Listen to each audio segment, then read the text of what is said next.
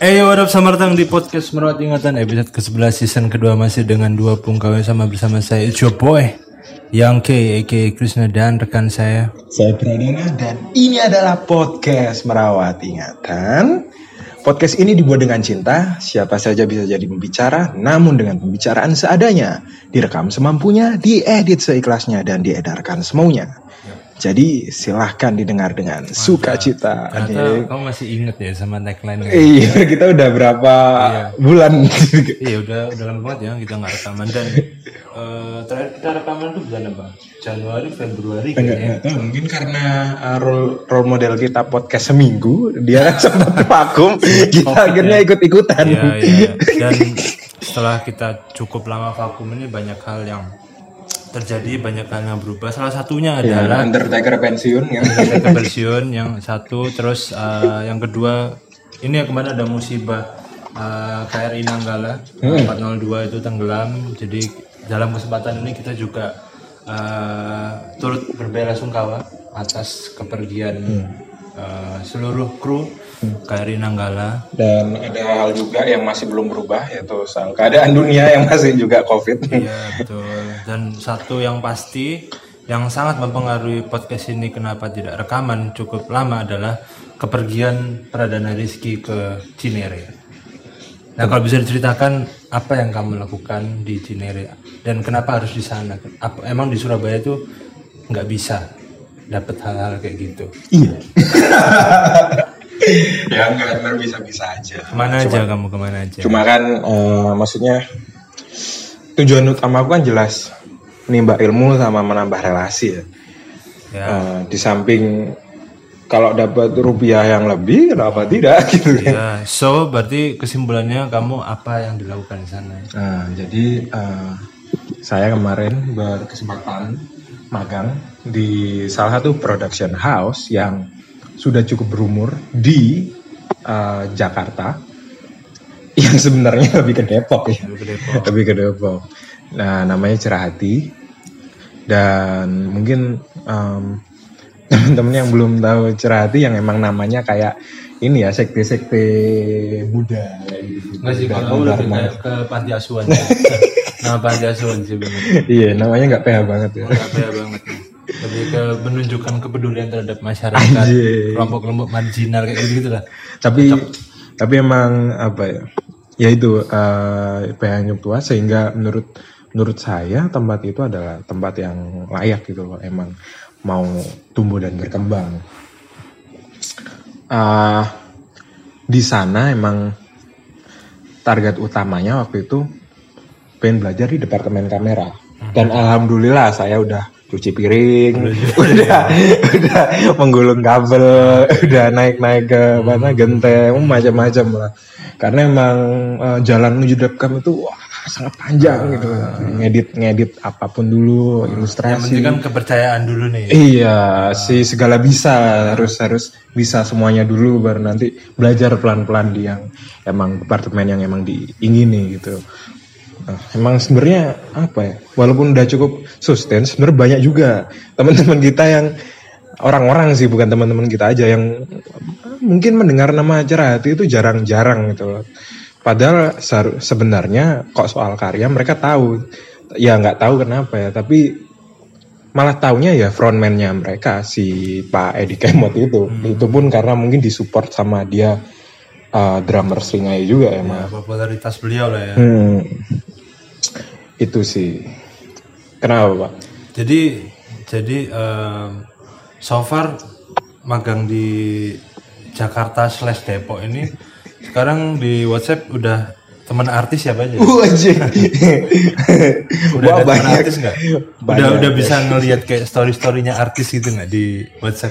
Bajingan, aja aja, ya gak gitu lah maksudnya. Ya ada tapi um, bukan beberapa, itu ya tujuan utamanya bukan itu tujuan utamanya emang kalau dapat relasi kayak gitu dan hmm. emang bisa dipupuk dan long lasting ya alhamdulillah, alhamdulillah. Gitu.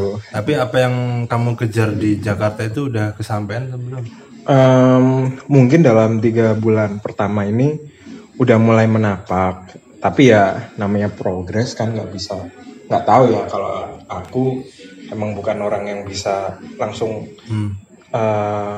ap- langsung apa sih mudah langsung gampang adaptasi langsung gampang kenal gitu. Emang tipe orang yang emang harus ngeraba-ngeraba dulu dan dalam tiga bulan ini alhamdulillah udah mulai bisa pelan-pelan lah Ya, tahu workflow terus bisa kerja bareng teman-teman baru itu yang ternyata emang gila-gila gitu. Hmm. emang menariknya tempat itu ya kayak banyak ketemu orang-orang aneh aja. Orang aneh dalam artian? Ya orang yang enggak maksudnya ya ada yang freak tapi freaknya dalam arti baik gitu loh. Mereka punya karya apa orang-orang yang karya-karyanya barunya udah di udah diakui udah udah uh, banyak dikenal juga. Hmm. ya bukannya di Surabaya nggak bisa bisa tapi uh, emang kayaknya butuh ngebus aja sih makanya di sana. Karena ya kalau aku pribadi merasakan beberapa tahun yang ke belakang mungkin agak hilang gitu momentumnya. Karena sempat ketunda TA yang sebenarnya nggak bisa dijadikan alasan juga. Tapi pada waktu itu kayak bambet lah istilah di TA itu nggak nggak ke mana-mana gitu itu salah satu usaha untuk, menebus gitu menebus kesalahan ya. Tapi kan kamu kan sama Jakarta itu sebenarnya punya romansa tersendiri ya. Pertama pertama kan eh, pacar kan domisili Jakarta nih. Terus eh, eh, pengalaman magang ini kan juga bukan magang pertama kali kan di Jakarta. Sebelumnya kan sebelumnya kan juga pernah tuh magang di Jakarta beberapa tahun yang lalu. Nah, menurutmu apa yang bikin kondisi kamu magang sekarang itu beda banget sama sebelum-sebelumnya? Ah, pertama saya udah lulus. Statusnya udah beda. Statusnya udah beda. Udah megang ijazah. Ah, iya, tapi nggak nggak berguna juga sih. Belum berguna. Belum gitu. berguna. Ah. Em, apa ya? Kok dulu mungkin benar-benar pure belajar dan apa main-main gitu masih masih tinggi kali ya ini ya lebih ke situ. Tapi kok niatnya. niatnya kok sekarang benar-benar hampir benar-benar di press yang main-mainnya benar-benar belajar dan apa ya ya ada arah ke mencari uang juga. Karena ya emang bagaimanapun udah eranya udah beda. Yes. gitu loh nggak nggak bisa dipungkiri juga tanggung jawab umur tambah segala macam jadi nggak bisa berapa sekarang? Masih 24 Masih dua. iya kenapa bapak? Gak apa-apa, bahasa basi aja. anda Enggak apa-apa, kita kan anda bulannya umurnya sama. berapa kan di bulan yang iya umurnya berapa anda 24 juga kan makanya terus terus lanjut. ya gitu aja sih Ya. Hmm.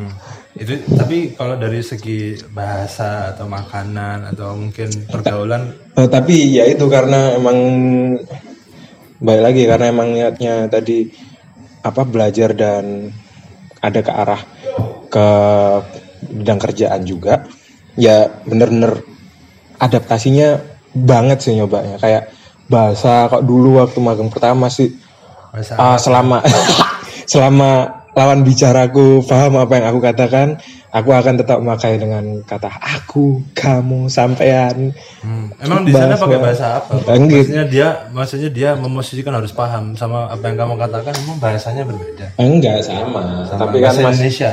iya tapi kan maksudnya em, apa ya ada perbedaan kultural. Kok sekarang kan emang adaptasinya kalau emang harus pakai lu gua gua apa aku pakai lu gua terus em, manggilnya juga apa ya, yang di sana bisa dipanggil apa misal pakai bang apa eh, kang kayak gitu gitu itulah. Jadi emang mencoba. Yang penting yang merasa nyaman lawan bicaranya dulu baru nanti juga aku berusaha buat menyamankan juga gitu. Hmm, Berarti kalau aku menyimpulkan karena menggunakan kang ya panggilan kang berarti di sana mostly bahasa Sunda berarti.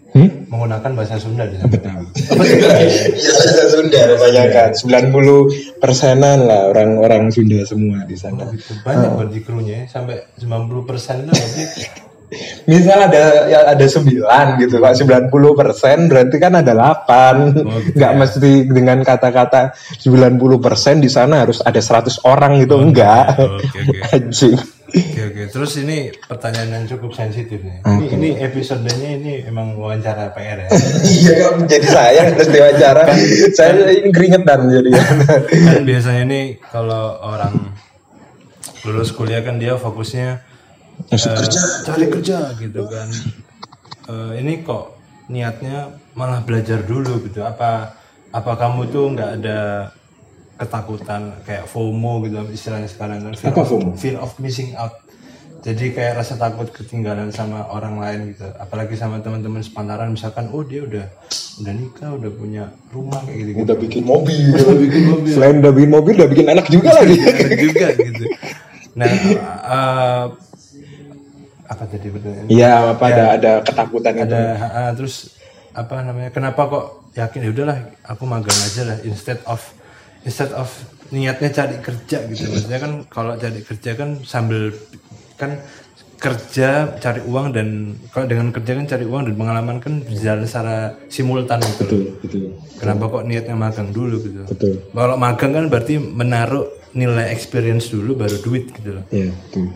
Sepakat. Maksudnya Embu ya, maksud masuk bahasa Jawa mana? Ya, maksudnya aku aku dewe aja nih jujur wedi banget ya, masih takut sekali gitu eh, dengan dengan itu. Sering kepikiran, sering overthinking, apa merasa kayak ketinggalan, merasa kayak anjing teman-teman udah segini ya masih gini apa udah pemasukannya udah sustain bulan kayak gini-gini. Ah, jujur aja ada, tapi saat, em, itu yang aku paksain bahwa aku merasa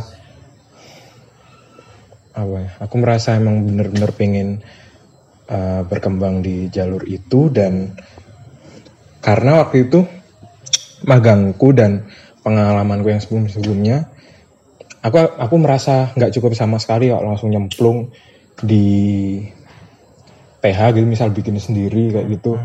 Aku nggak merasa cukup untuk itu dan PH kebanyakan menerimanya magang atau kenal terus tarik tarik gitu sedangkan aku kan nggak punya kenalan kayak gitu gitu di di sana. Ya udah aku mulai dengan memperkenalkan diriku dengan cara magang itu. Eh, dan kenapa memilih magang juga? Apa ya? Ya itu aku, aku pengen belajar di departemen kamera itu. Terus eh, alhamdulillah kan masih masih apa ya bukan aja aku ya salah satunya merasa nanggung bingung cuk. Sumpah gitu. karena karena aku apa jujur ada ketakutan itu ada. Terus apa jenis memilih dengan magang itu karena merasa itu jalan yang paling masuk akal sekarang karena ilmu ilmuku ilmu ilmu yang masih nanggung gitu.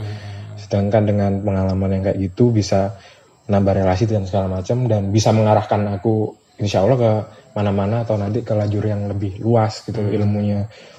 Ya memang mungkin akan mengorbankan waktu. waktu sama mengorbankan apa? Biaya. bi- biaya juga. Hmm. ya alhamdulillah kan masih stabil. Alhamdulillah aku masih punya privilege yang apa? Eh, Warga mampu ya. keluarga mampu. Itu itu salah satu privilege banget. Dan jujur aku kadang ya ya malu juga mas masalah masih apa ya kadang masih dapat support dari ibu berupa materi kadang juga malu tapi kadang juga tergoda juga buat karena jujur kalau misal aku nggak nggak nggak sombong ya maksudnya aku sadar skillku aku bisa memakai skillku ini untuk langsung kerja dengan gaji 4 sampai 5 juta per bulan aku yakin mampu lah tapi aku nggak ngelakuin itu karena hmm, ya. bukan maksudnya tujuanku goalnya kan bikin PH sama teman-teman production house. dan PH kebanyakan nyarinya magang. Mhm. bukan yang langsung dia ditaruh di posisi apa gitu. Karena tadi kan kembali lagi production house itu dia membentuk timnya kan based on trust gitu ya. ya da- ya itu ma- masa aku cari celahnya di itu dari magang dulu. Berarti intinya kamu selain membangun pengen skillnya mantepin skill dulu nih, sekalian sekalian mantepin trust dan networking dari orang-orang. Iya, kalau mau nyari yang gampang, aku banyak kegoda. Kemarin kan lagi banyak open lowongan graphic designer, graphic designer. Ya jujur aja aku kegoda anjing apa ini kirim aja ya. Hmm. Karena aku yakin sih, maksudnya dengan skillku kalau soal grafis, nalar visual, taste dan eksekusi Ada lawan lah. ya. Bukan gak ada lawan maksudnya.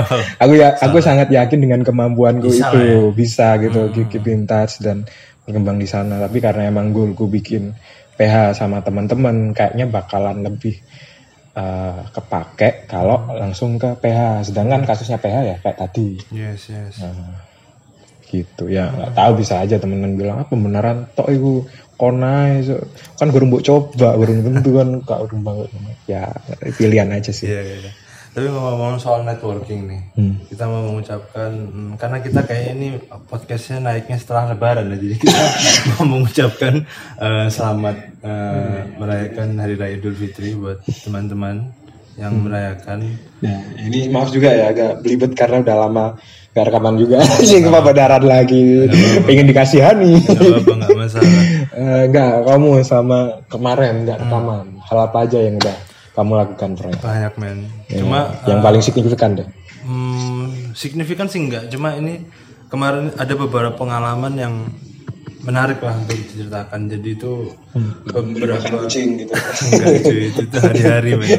sehari-hari. Eh, aku tuh kemarin eh, ham- hampir ketipu men, hampir ketipu sama orang, ah sama komen enggak, bukan. gimana Eh, hampir ketipu sama ada orang. Jadi ceritanya gini, beberapa waktu yang lalu kayak awal eh awal April atau akhir Maret gitu deh. Itu ada orang yang ngontak aku. Dia itu mau bikin kitchen set. Mau bikin kitchen set, dia mengaku bernama Bapak Irwanto. Dia itu karyawan dari salah satu perusahaan semen lah di Kalimantan Selatan yang cukup ternama. Nah, awalnya sih ketika aku ngelihat namanya terus cara dia memperkenalkan diri terus uh, aku juga riset ini perusahaannya ada beneran atau enggak gitu. Sampai aku ngeliat profile picture-nya dia cukup solid lah oh ini kayaknya enggak enggak tipu-tipu lah gitu. Terus? Sampai akhirnya ketika dia ngirimin dia itu intinya pengen dibantu produksi aja. Dia udah ada desainnya dia udah punya dia udah tahu briefnya seperti apa requirementnya apa misalkan alat-alatnya apa aja nih misalkan kompor tanamnya aku mau pakai ini terus penghisap asapnya pakai ini kayak gitu ovennya pakai ini nih gitu. Dia udah detail banget lah Eh, nomor serinya apa terus finishingnya apa udah detail banget. Nah yang mencurigakan adalah ketika dia itu mau ngirim draft desainnya ke aku tolong dihitungkan berapa nih biayanya buat bikin kitchen set gitu kan. Nah anehnya tuh biasanya nih kalau klien bisa ngirim email dia tuh pasti masuk inbox Nah tapi aku cari di inbox kok nggak ada. Kata iya, kata inbox nggak ada.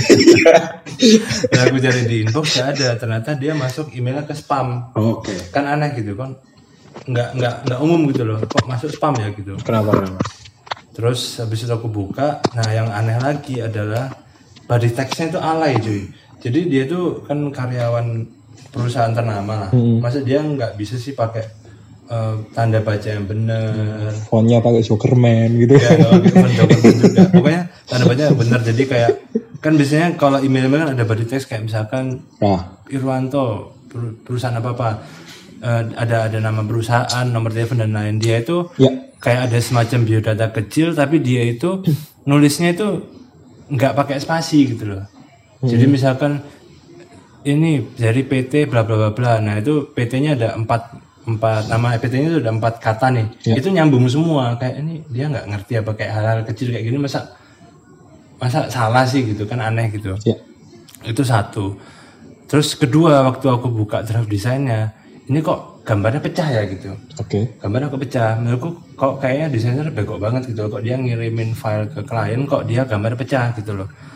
Gambarnya jelek lah gitu. Terus itu kayak gambar-gambar tipikal yang udah ada di internet gitu loh. Hmm. Gambarnya nggak di bubble wrap gitu makanya pecah gitu. Terus habis itu eh, tapi kan aku mikirnya ya udahlah namanya peluang kan harus dikejar kita nggak tahu lah siapa tahu ini real kan. Iya iya iya. Akhirnya aku tanya lagi pak ini kira-kira butuh berapa unit? Aku mikirnya ya mungkin kalau butuh masih 10 unit 5 unit masih make sense lah gitu. Karena dia tujuannya buat rumah buat rumah dinas karyawan.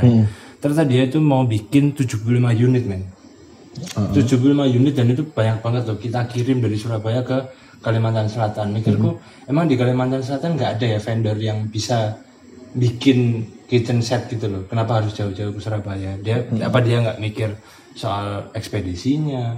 Apa dia nggak mikir soal instalasinya kayak gimana? Kan pasti susah kalau Mungkin pikiran dia Surabaya adalah salah satu kabupaten di mungkin Kalimantan. dia mikirnya um, di- mungkin dia mikirnya ini tuh kayak eh, pe- bumi masih awal terbentuk gitu loh. jadi kayak pulaunya masih nyambung nyambung Masih pangea ya.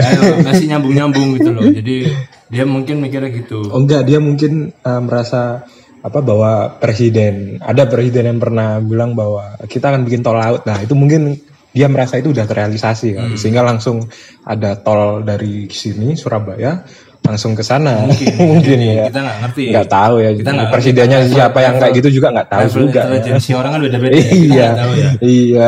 kembali lagi ya Kembali lagi. kembali lagi setelah dia bilang 70 unit itu aku agak kaget kok banyak banget ya kok kayaknya agak nggak mungkin ya Hmm, tapi kembali lagi peluang harus dikejar benar sekali. akhirnya tetap tak lanjutkan Iya, Eh, kita hitungkan berapa biayanya termasuk biaya ekspedisi dan lain-lain sampai akhirnya draft penawaran harga kita udah kebikin Eh, kita udah pak ngajak kita meeting online pak kapan kita bisa zoom atau kapan gitu. Hmm, nah dia menolak untuk diajak zoom. Padahal kan ini ada ada enaknya kan dijelasin tabelnya itu kan secara visual gitu loh. Hmm. kok dia nolak gitu. Nggak apa-apa mas saya via WhatsApp aja. Soalnya saya katanya di jam-jam kantor nanti meetingnya. Nanti kalau zoom mengganggu saya di kantor gitu loh. Oh. Oke gitu. Aku nggak mikir aneh-aneh sampai situ oh ya sudah tetap nah, sama lagi peluang harus dikejar kan Ya. dan kita belum rugi apa pun sampai akhirnya Hamin satu Hamin satu kita meeting eh, aku tuh sempat ngobrol-ngobrol berteleponan sama pacarku Oh, tak kira sama bapak yang tadi.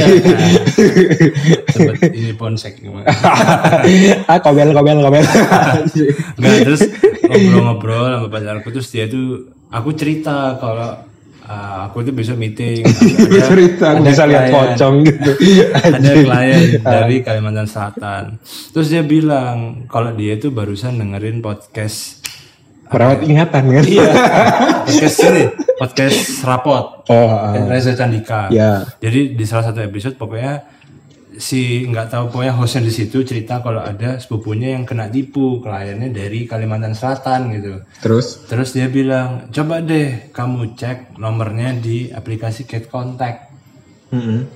jadi kita bisa dari aplikasi itu kita tahu nih orang-orang nge-save nomor kita atau nomor orang-orang yang kita save itu dengan nama apa Terus akhirnya aku cek nomornya aku masukin, eh bener dong ternyata orang-orang nge-save itu namanya Irwanto penipu kitchen set ulung banyak yang kayak gitu. Kan aku lemes jadi kayak udah ekspektasi wah lumayan nih dapet duit gede nih iya ratusan juta lah ratusan juta gitu ternyata kena tipu. Jadi moral value-nya adalah ya penipu tuh makin pinter sih sekarang. tapi ada value lain yang kita dapatkan kita setara podcast kapot. Sama-sama jadi korban penipuan. iya. Ya gitu maksudku eh, karena eh, yang bikin aku cukup percaya pada awalnya adalah karena ketika si Irwanto dia ngontak aku bukan berarti semua Irwanto itu penipu ya. tapi untuk kasus ini Irwanto ini tuh bapak Irwanto ini dia itu penipu gitu loh. Iya bisa aja penipu namanya Reza gitu bisa bisa aja. jadi. Namanya Pradana juga bisa Eh, dalam kasus ini dia itu waktu ngasih brief pertama kali dia itu eh, sudah detail gitu loh dia maunya materialnya apa finishingnya apa terus eh, nomor seri alat-alat elektronik yang mau dipakai itu apa. Jadi aku cukup percaya oh berarti ini orang ini riset dulu nih. Ya sebelum ya ya. dia eh, mau bikin kitchen set gitu loh Atau dia bisa aja belajar dari kesalahan. Katakanlah kamu udah korban ke 167 gitu. Jadi Calon- 100 calon korban, belum jadi korban. 169 yang lain mungkin dia belajar dari situ. oh, ternyata gini. harus riset dulu Iya. ternyata dia lupa kalau dia tuh nulis body text-nya alay gitu. Ya itu nanti yang ke 170. 170. yang 170. Ya, gitu ya, begitulah. Jadi untuk teman-teman yang mungkin berprofesi sama seperti saya atau mungkin ya yang lain-lain lah atau mungkin yang berkaitan eh, di luar sana ini banyak sekali orang-orang yang mau mencari keuntungan lah dengan cara menipu-menipu seperti ini. Profesi Anda apa sih? Pedagang cumi bakar enggak? Bukan. Bukan. Saya ini interior designer. Oh gitu. Iya. Karena aku kira kan karena ini kitchen set kitchen set. Oh mungkin dia jualan cumi bakar.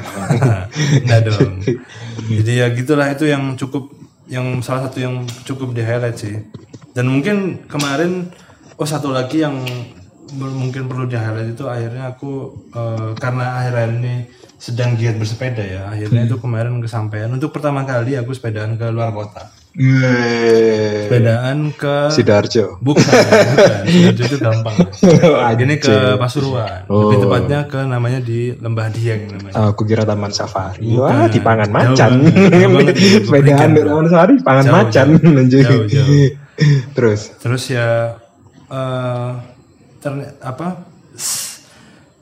aku rasa sih persiapanku tuh sudah cukup matang ya dari segi sepeda dari fisik tidurku cukup terus eh, bekalnya juga aku rasa cukup jadi aku bekal itu bawa udah nonton kawan. Iya. Testosteron itu udah tinggi, ya, iya. tinggi. Ah, terus, jadi aku udah bawa aqua tuh udah satu liter tuh bawa botol kayak nggak sampai satu liter pokoknya botol sepedaan tuh loh udah yang gede itu udah bawa satu terus sama bawa bawa Mie Pocari beting. Sweat. Kira ngomong mie Enggak, beteng. mie beteng nggak bantu. Nggak membantu. Tapi kan asin, Pak. Asin, tapi nggak membantu Iya. secara gizi nggak membantu. Terus, Eh, Michael Phelps rasanya juga nggak makan mie betting ya. Michael Phelps, Lance Armstrong itu juga rasanya nggak.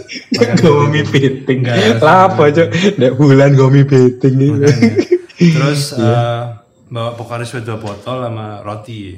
Dengan ekspektasi oh ini cukup nih buat pulang pergi. Hmm. karena aku melihat di Google Map ini kayaknya ini ini kita dari Surabaya ke lokasi di Lembah Dieng itu PP itu tuh sekitar 70 kilo. Yang which is itu bukan pertama kali aku sepedaan 70 kilo gitu loh.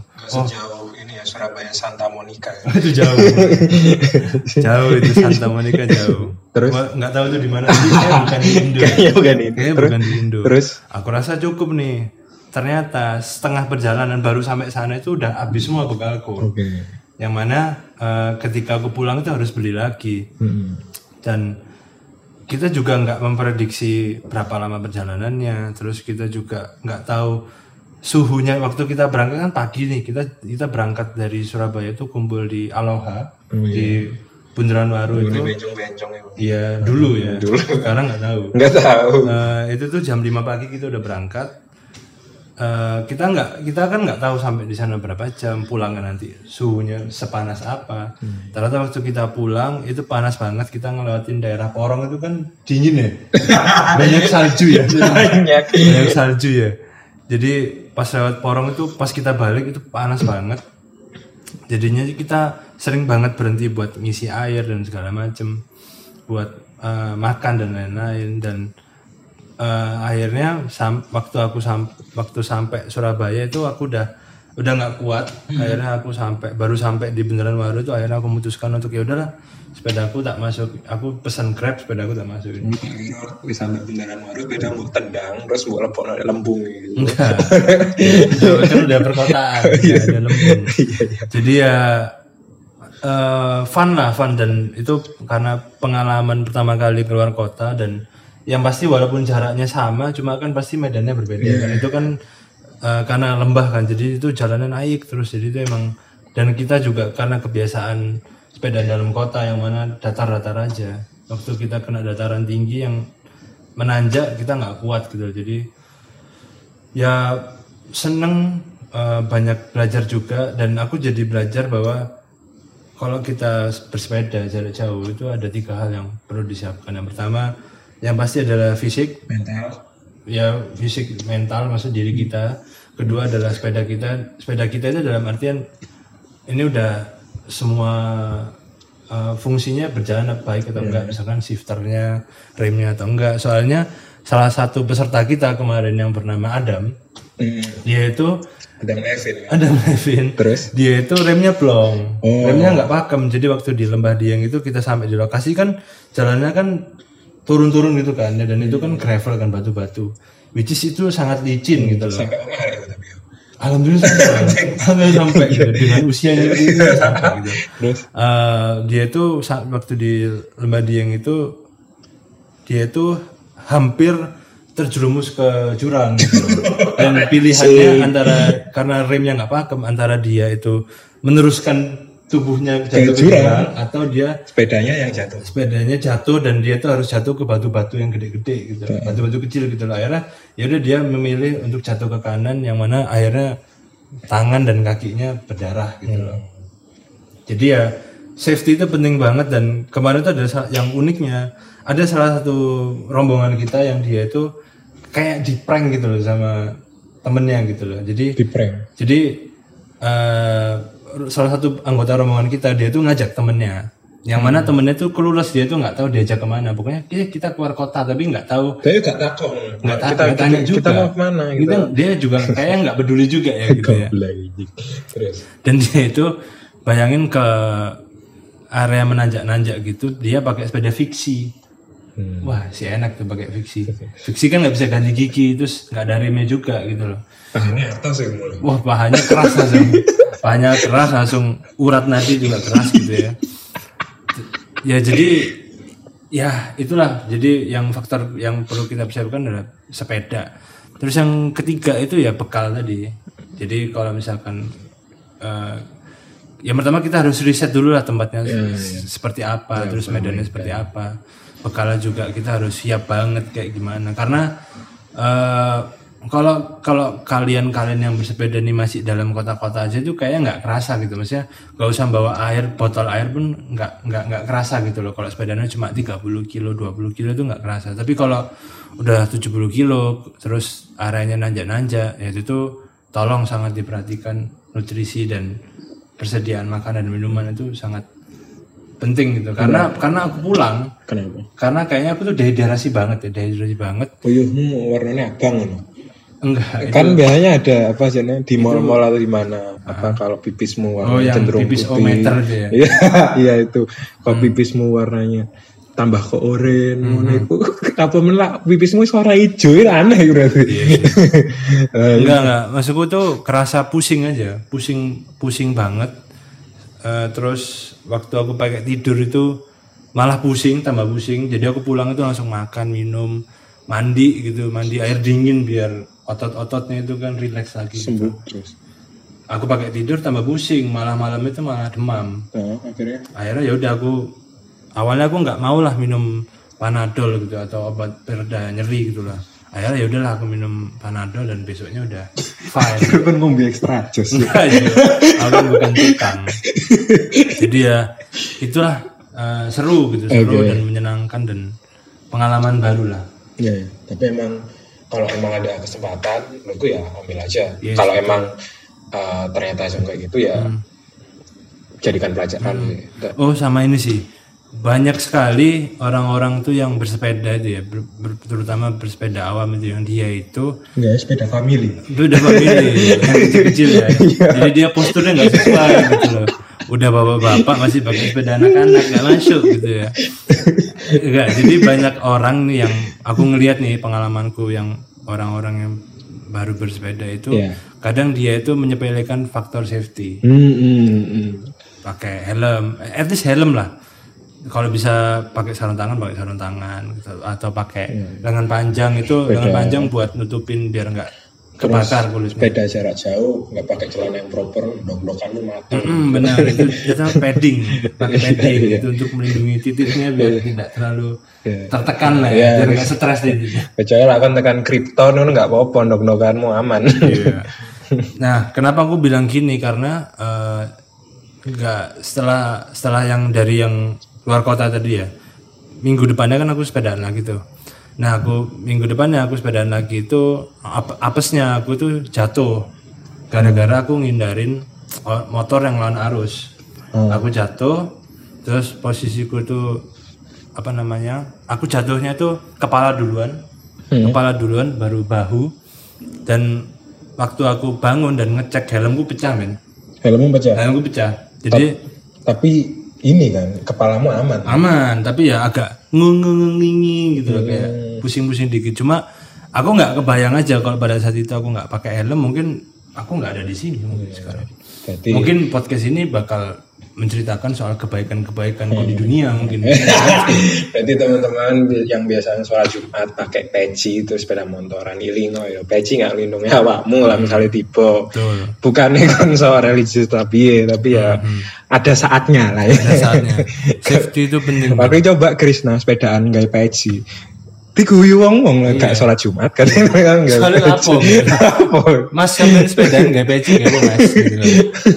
Gitu. kan nggak masuk secara kostum aja nggak masuk Iya, gitu. iya. nggak pakai gamis nggak pakai baju koko kok pakai eci itu pada apa nggak masuk gitu loh nggak nyambung jadi ya itulah ya ya ya tapi ya, at least tadi kalau ada kesempatan ya ambil aja tapi jangan jangan menyepelekan hal-hal tadi yang dan pokoknya kamu harus tahu diri itu kamu kuat atau enggak siap atau enggak gitu. karena kan kalau kamu eh, karena kalau persiapan dari dirimu sendiri dan bisa dan faktor-faktor lain kayak sepeda dan lain-lain itu kamu nggak siap kamu bakal jadi beban Ya. grupmu beban banget gitu karena kan olahraga bersepeda itu kan olahraga yang membutuhkan momentum ketika ngayuh.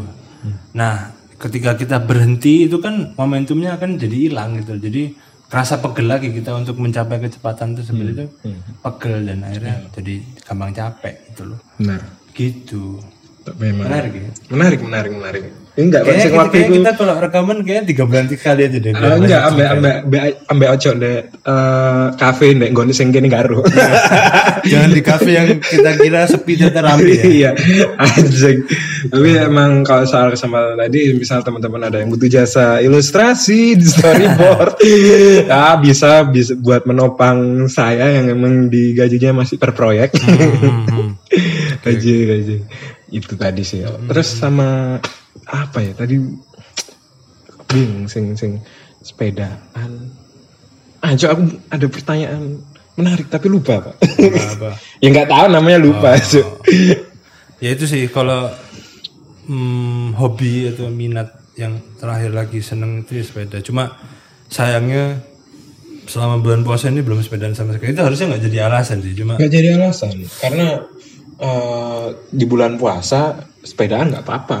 Mokel kan tapi. Ya, beberapa kali. Beberapa kali. Nggak apa-apa lah at least jangan kayak saya. Nah, mending ikut sahur aja ya. iya Ikut sahur tapi sahur nggak nanti misalnya mau dibatalkan atau enggak terserah. Iya pokoknya kan urusanmu ambek Gusti Allah. Benar. Enggak niat posone lah SKP buka. Nah, misalnya saya buka sik gurung batal ya wis diucapkan niat puasa gitu. Jangan sampai nggak sahur nggak nggak niat apa apa pokoknya los aja gitu Goblok anjing.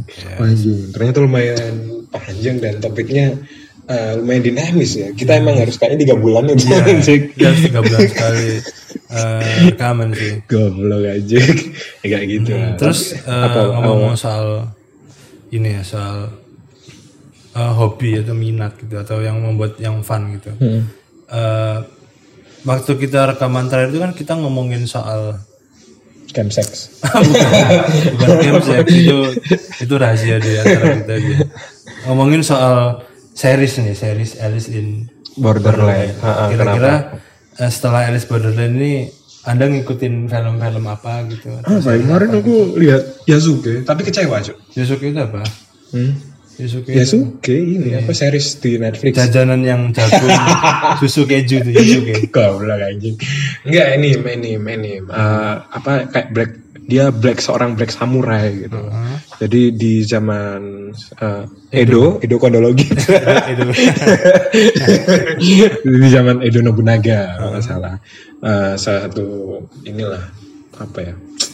Kaisar atau apa Jepang. Nggak tahu koreksi aja kok salah. Anime berarti. anime. Tapi em, ada apa ya dia kayak diambil dari terinspirasi lah dari kisah nyata. Yang tentunya dibumbui. Banyak banyak banyak lebih banyak bumbunya daripada cerita Untuk faktor yang dramatis saya. nggak tahu kalau menurut saya dramatis tapi terlalu terlalu Hmm. aneh. Nah, sebenarnya udah premisnya cukup menarik. Tapi eh, semakin ceritanya dibangun menurutku tambah hajur tambah amburadul itu karena eh kayak building karakternya apa nggak nggak nggak nggak imbang. Yang karakter utamanya lumayan dibangun. Tapi si Yosuke itu. si Yasuke itu tapi dia ada kayak mm, tujuan tujuan akhir animenya. Akhirnya kayak si Yasuke ini kan ceritanya samurai yang tuannya meninggal dan di ini dikudeta lah istilahnya. Terus dia akhirnya jadi ronin gitu samurai tanpa tuan. Uh, terus ketika ada time skip 20 tahun ada anak kecil yang punya kemampuan istimewa tapi dia sakit-sakitan dan akhirnya si anak ini harus diantar ke dokter yang khusus. Nah, dia mengantar tujuannya akhirnya mengantar si anak ini ke dokter yang khusus ini untuk diobati. Hmm. Nah, tapi sampai akhir, sampai semuanya ke reveal gitu, sampai selesai, si yang anak kecil ini harusnya kan agar kita punya empati, simpati gitu harus dibangun juga itu karakternya itu sama sekali luput gitu. Jadi ya terasa hampa aja yang harusnya dibangun, benar-benar dibangun. Kalau menurutku ya dua karakter utama ini, Hmm, si Yosuke sama yang anak kecil. anak kecil ini, Hmm, gitu sih. betul, betul, betul. menarik, menarik. Ya, Bisa dilihat di mana nih kalau boleh tahu? Netflix. Netflix ya? Iya, bisa mungkin kok legal legal. Legal ya? Kalau misal enggak ya, ya, ya aja. Sebaiknya ya? Sebaiknya. Komitmen ya? Betul, betul. Sama ada film menari kemarin, Pak. Minari. Menarik. Tahu kan anda Minari? tahu. Hmm, Apa itu? Dance bahasa Inggrisnya. Oh, enggak lah Minari. main siapa? Minari. Enggak Minari, apa eh, film? Cok. Oh, film Korea ini ceritanya tentang Oh, Minari itu ini bahasa Korea. Enggak tahu ya. Eh bukan, Minari itu Bahasa Jepang. bahasa Korea tentang tumbuhan yang bisa tumbuh di mana aja dan beradaptasi dan tumbuhan itu bermanfaat gitu uh, untuk makan obat dan sebagainya. Hmm. Em, cerita film itu premisnya kurang lebih seperti ini keluarga imigran Korea yang berusaha untuk sustain untuk mencari kehidupan yang lebih baik di Amerika Mhm. dan mengalami berbagai Settingnya tahun berapa tuh? tahun 80-an saya Oh, ingat. 80-an. Nah, 80-an 90-an lah dan ya berusaha untuk bisa diterima dan berusaha untuk sustain di sana lah Hmm. Ceritanya kurang lebih kayak gitu dan Itu kayak cari orang Korea yang cari suaka ke Amerika gitu ya. Setelah setelah perang di Korea itu ya. ya benar gitu ya? kurang lebih kayak gitu itu itu menarik sekali sih karena benar-benar grounded saya sih ngomong-ngomong dulurmu iki nguyong mbak ngrungokno lagu Hmm. banterin kapela bodoh Enggak, ya biar nggak kedengeran. aja. gitu coli ya Enggak, itu kelihatan dari sini. oh iya iya iya Lanjut. Bajingan. Ya. ya udah gitu gitu aja sih Men- menurutku salah satu pengalaman sinema yang menarik di tahun ini dan nggak tahu kalau masih bisa di teman-teman tonton kayaknya masih ada deh di CGV Oh dia ini di sinema berarti di bioskop. di berarti? bioskop Oke. Berarti the, the whole story ini soal karakter utama yang dia itu karakter cari utamanya berusaha si, survive di Amerika. hmm, si gitu. bapak dengan apa si bapak yang memiliki satu istri dan dua anak Mhm, yang tiba-tiba ibu si istri ini datang ke Amerika karena ibunya sendirian di Korea sehingga si istri ini memutuskan untuk Balik. enggak ibunya Diajak. tinggal sama kita aja biar kita bisa fokus kerja anak-anak ada yang nemenin kayak gitu lah Ibu Eyo Kramot gitu ya. gue ya keramut nah, kayak gitu lah menarik sih film itu menurutku ya karena ya itu tadi down to earth Bagus bagus. Aku suka. kenapa anda ada ini tontonan Ada. yang baru anda ikuti Ada benar ada. di mana pak Di Amazon. Wah anjing, berarti nontonnya butuh perjuangan ya. Betul bayar. Ada ini. ya. 89 ribu per bulan. Oke, aku kira harus melewati Anaconda. Oh, enggak. harus melewati. Maksudnya nama, Piranha, nama gitu. streaming service gitu. Amazon Prime. Ya, ya, ya, ya. Jadi eh, ini agak berhubungan. Tadi kan ngomongin soal ini kan Asia Asia nih. Ini juga ada kaitannya dengan Asia Asia. Jadi eh, awalnya nih, ini aku menceritakan kenapa kok aku bisa tiba-tiba nemu nih series ini. Apa? Jadi awalnya itu eh, gara-gara waktu itu aku kepo soal Mortal Kombat kan ada Mortal Kombat. Oh iya, film cuk. aku nggak ngerti, aku nggak nonton. Nah karena aku beberapa apa eh, sempat waktu itu kayak browsing browsing soal Mortal Kombat terus sampai akhirnya membawa aku ke suatu video yang eh, kayak menceritakan eh, tokoh-tokoh apa pemerannya Mortal Kombat yang tahun 95 itu sekarang apa sekarang karirnya gimana sih? Nah, salah satu yang pemerannya jadi Shang Tsung atau siapa itu pokoknya namanya Kerry Hiroyuki Togawa. Oh iya, iya. Dia itu main di series yang aku tonton ini. Hmm. Nah, jadi akhirnya akhirnya aku nemu nih series ini dan aku coba nonton. Dan karena aku lihat previewnya kisahnya cukup menarik. Jadi dia itu dikisahkan ini kayak semacam alternate universe di mana dunia itu settingnya itu tahun 1960-an di mana eh, eh settingnya itu 17 tahun setelah selesai perang dunia kedua. Berarti sekitar tahun 1962an di mana yang menang perang itu bukan eh, Amerika. Tapi yang menang itu adalah eh, Jerman dan sekutunya sama Jepang nah yang menjadi apa ya inti permasalahan dari eh, series ini adalah ada tokoh tokoh utamanya ini namanya Juliana dia itu Juliana Vega. bukan ada orang. jadi eh, si Juliana itu dia tuh eh, mendapatkan sebuah transkrip film gitu dari eh, alternate universe gitu loh. jadi dikisahkan di series ini kita itu di dunia itu punya semacam dimensi lain yang mana eh, dimensi lain itu ada diri kita yang lain. Oke. Tapi, tapi storyline dan timeline kehidupan kita itu berbeda. Nah, dikisahkan si adiknya tokoh utama itu dia dat adik tokoh utama tapi dari dimensi lain, gak sih? Iya.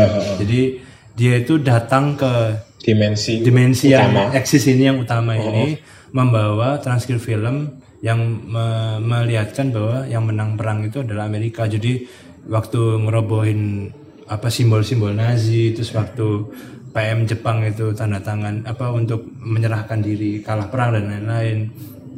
Nah akhirnya si tokoh utama ini si Juliana itu dia jadi dia jadi dikejar sama eh, kelompok Nazi dan eh, kekaisaran Jepang karena dianggap menyebarkan propaganda untuk menjatuhkan kekaisaran gitu. Jadi perputaran ceritanya itu ya muter-muter di soal ngerebutin film yang aman transkrip film ini. Cuma eh, banyak permutasi karakter-karakter lain yang dia itu punya background story yang yang tajam dan apa yang yang complicated gitu loh. Dan dan yang menurutku yang aku paling suka dari film aku tuh selalu suka film-film atau series yang ada kaitannya dengan konspirasi atau propaganda gitu nah dikisahkan si kelompok Nazi ini dia itu sedang membangun semacam apa namanya portal waktu, portal antar dimensi. Jadi dia itu nggak cuma mau meng- menguasai satu dimensi ini, tapi dia juga pengen menguasai dimensi-dimensi lain. gitu. Jadi gitu, menurutku sih menarik banget sih. Secara storyline sih sebenarnya muter-putar muter-muter di situ-situ aja ya. Cuma eh, pengembangan kisah what if-nya kalau eh, yang menang perang adalah Jerman dan Jepang gitu itu yang yang menarik aja sih dan eh, dan aku sih jadi jadi belajar sih bahwa yang sebenarnya itu kayaknya ya dalam suatu perang itu bukan ada yang menang atau kalah tapi siapa yang lebih diuntungkan aja gitu dan siapa yang rugi gitu karena kalau aku ngelihat di series ini sebenarnya kayak mutar-mutar mutar-mutar aja dan kayak sebenarnya itu sudah kondisinya itu sudah oke-oke aja gitu loh Oke. tinggal siapa yang dirugikan di situ dan dan memang ininya tuh pengembangan karakter itu seru banget karena si kelompok Nazi ini dia itu kan orang Nazi ini kan dia itu kan sangat obses terhadap kemurnian ras kulit putih kan Oh. kelompok Aryan gitu Berarti di dunia utama yang di film itu di apa alternate utamanya, eh, kok alternate utama? ya di alternate dimensi yang- di dimensi yang- dimensi utama ini eh, tinggal kesisa ras Arya sama ini ras Jepang itu. Eh, enggak juga sih masih ada ras-ras lain kayak misalkan ya Asia Tapi dijadiin no budak seks ngono. Enggak juga. jadi kalau kalau jadi bedanya nih kalau yang Nazi, yang kelompok Nazi sama Kaisaran Jepang itu kalau si sama-sama rasis sih dua-duanya. Kalau yang Nazi itu dia obses banget sama kemurnian ras sampai dia itu bener-bener kalau misalkan ada orang yang cari suaka ke area kekuasaan Nazi, dia tuh harus dicek dulu nih eh, DNA-nya.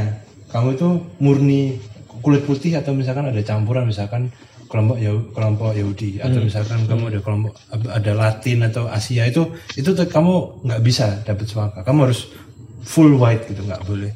Dan Latina mungkin boleh. Terus? Latinos. Eh, ya itu jadi su- super super kayak kayak mind blown kayak anjing ternyata se se fuck up itu ya sampai bener-bener dia tuh pengen nge- ngemurniin ras kulit putih dan mereka tuh bener-bener mindsetnya kalau ya orang kulit putih itu ras yang paling bener paling kuat gitu. Dan yang paling paling mind blown di situ tuh nggak ada nggak ada lah feminisme sama sekali. Jadi memang di situ diceritakan diposisikan bahwa wanita itu ya untuk untuk melahirkan untuk me- bertumbuh kembang. Tempatmu dilahirkan eh, tempatmu untuk berkembang biak gitu. Ya cuma objek objek oh sangat sangat ini lah apa namanya? Ah lupa. Ya pokoknya wanita itu diposisikan ya kamu itu un- untuk berkembang biak kalau kamu itu jadi itu bahkan ada salah satu karakter samping yang dia tuh nggak bisa hamil itu dia tuh diburu sama Nazi dibunuh gitu. Dibunuh. Karena dia dianggap ya kamu dianggap defect karena kamu tuh kecacatan gitu loh.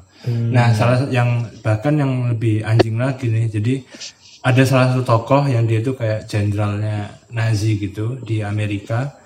Dia itu eh, anaknya itu ternyata diindikasi dia punya semacam kelainan yang bikin dia lumpuh gitu loh. Nah dibunuh. Nah, salah satu waktu si dokter Nazi ini dia ngasih opsi ke jenderal ini, kamu mau tak laporin ke petinggi-petinggi atau kamu bunuh anakmu dengan suntik racun ini? Gitu loh.